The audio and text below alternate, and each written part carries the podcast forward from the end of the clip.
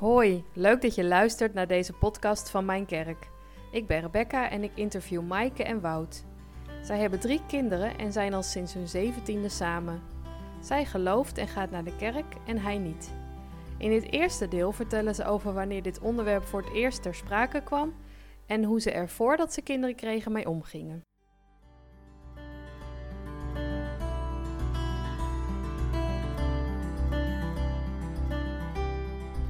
Nou, daar zit ik dan weer in een nieuw huis. Tegenover me zitten Maaike en Wout.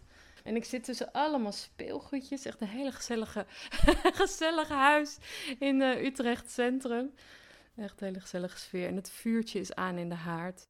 Zelf uh, zit ik ook in een situatie waar ik wel geloof naar de kerk ga en mijn vriend niet. En dus ben ik op zoek gegaan naar een ander stel die, nou ja, wie weet in dezelfde soort situatie zit. En nou zag ik jou natuurlijk uh, af en toe in de kerk met je kinderen. En Wout heb ik ook wel eens gespot, maar dat was uh, heel zelden. dus toen dacht ik, hé, hey, die ga ik gewoon vragen.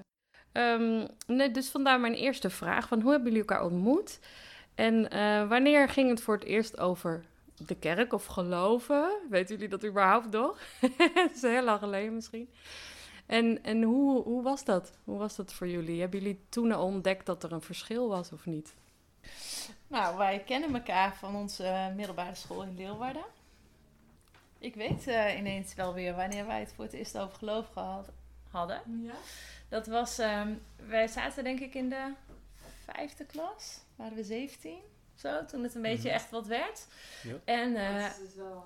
dat was, uh, ja, dat is een tijdje geleden inderdaad. Dat is uh, ruim 20 jaar, jaar geleden. Ja, 20 jaar geleden. Um, en toen belden we nog met elkaar.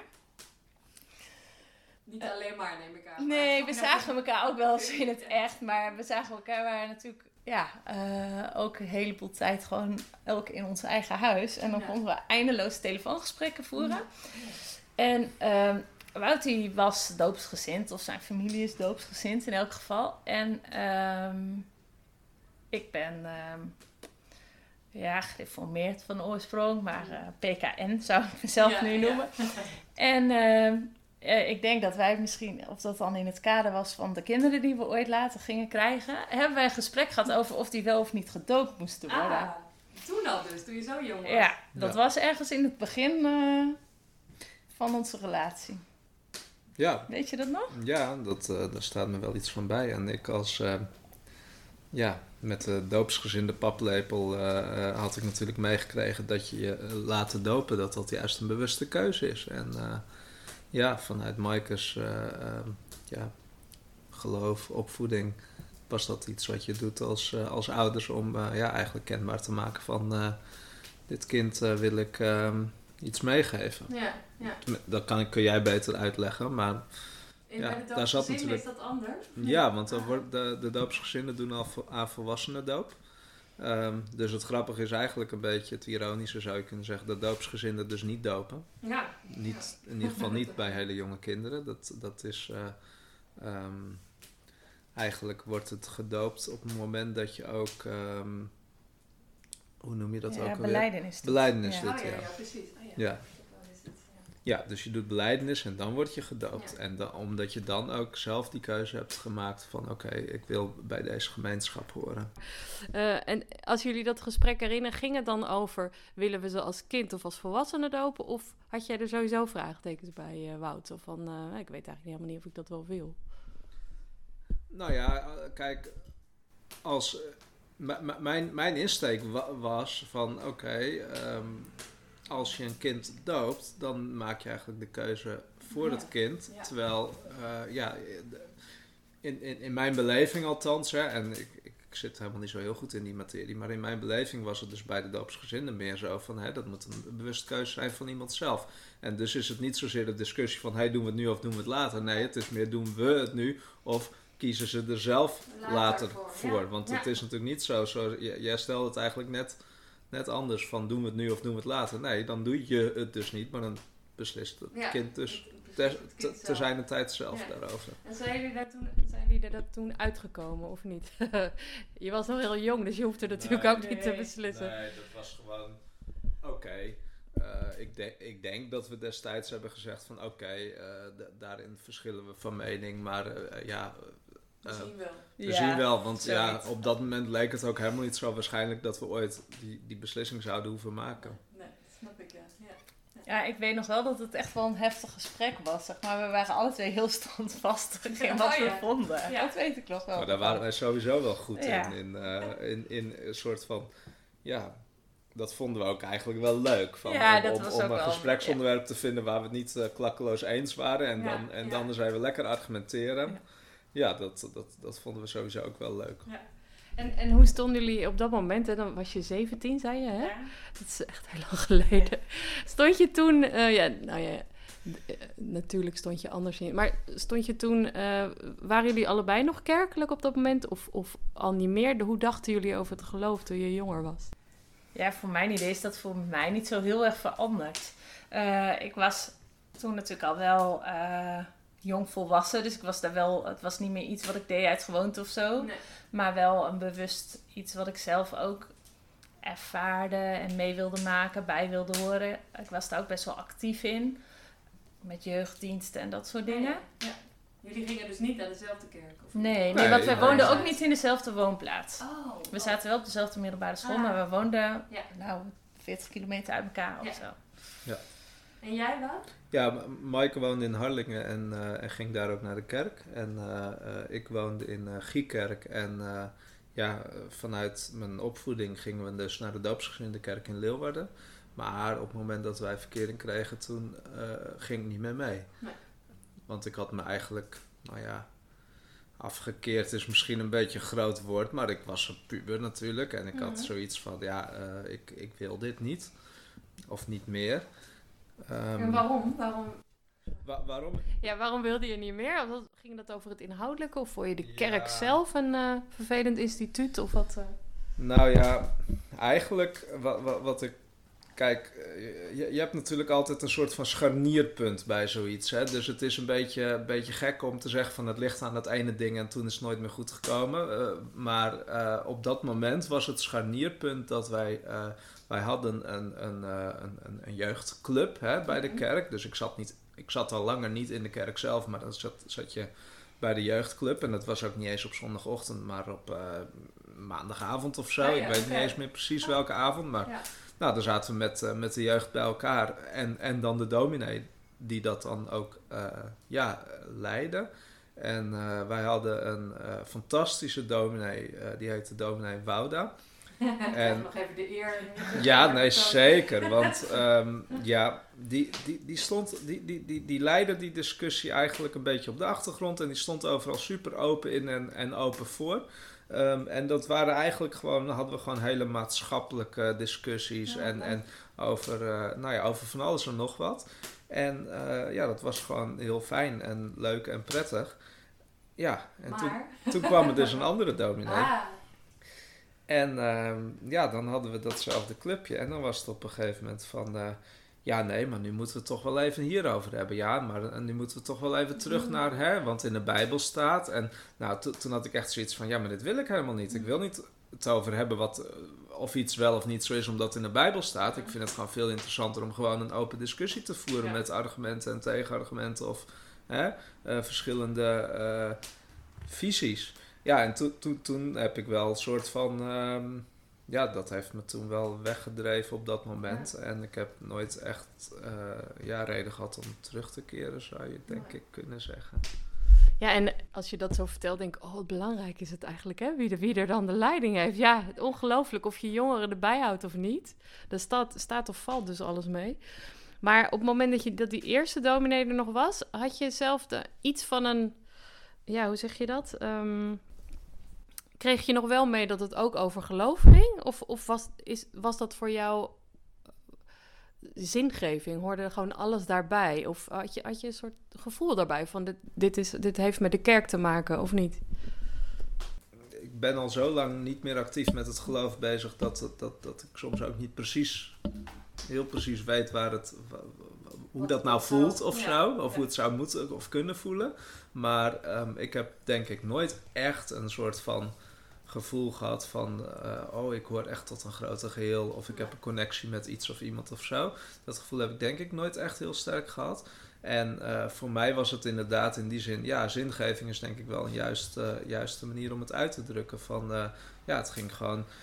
Ja, ik heb ook, ik heb ook jaren later heb ik mezelf ook heel vaak humanist genoemd. Ja. Hè? Van, nou, ik, ik wil wel gewoon goed zijn voor de medemens. Ja. En ik realiseer me ook eigenlijk, nu ik wat ouder ben, realiseer ik me steeds meer dat eigenlijk hoe ik in het leven sta akelig dicht bij het christelijk geloof zit. Hmm. Zeg maar, hoe ik kijk naar, naar, naar, naar, de medemens. En ja, je, je kan dat humanisme noemen, omdat ik het dus niet, niet direct naar God... Iets goddelijks aan Iets goddelijks aan koppel, inderdaad. Maar uh, ja, het zit er eigenlijk gewoon akelig dichtbij. En... Uh, maar om, om, omdat, ja, het is, het is wel iets. Ja, ik, ik heb nooit echt meer getwijfeld van zal, zal ik toch weer terugkeren bij het geloof of zo. Dus uh, terwijl, ja, als ik dat nu zo uitspreek, dan is dat, ja, zou je kunnen zeggen, als je er zo dichtbij zit qua gedachtegoed, waarom zou het niet kunnen? Dus ja, helemaal uitsluiten doe ik het ook op dit moment niet. Hoewel ik in mijn uh, ja, jongere jaren, zeg maar, mijn studententijd en zo ja, toen was ik wel recalcitrant genoeg dat ik zei van nou, daar wil ik gewoon echt, even helemaal niks mee te maken hebben. Maar zo, zo zwart-wit sta ik er nu zeker niet meer in. Nee.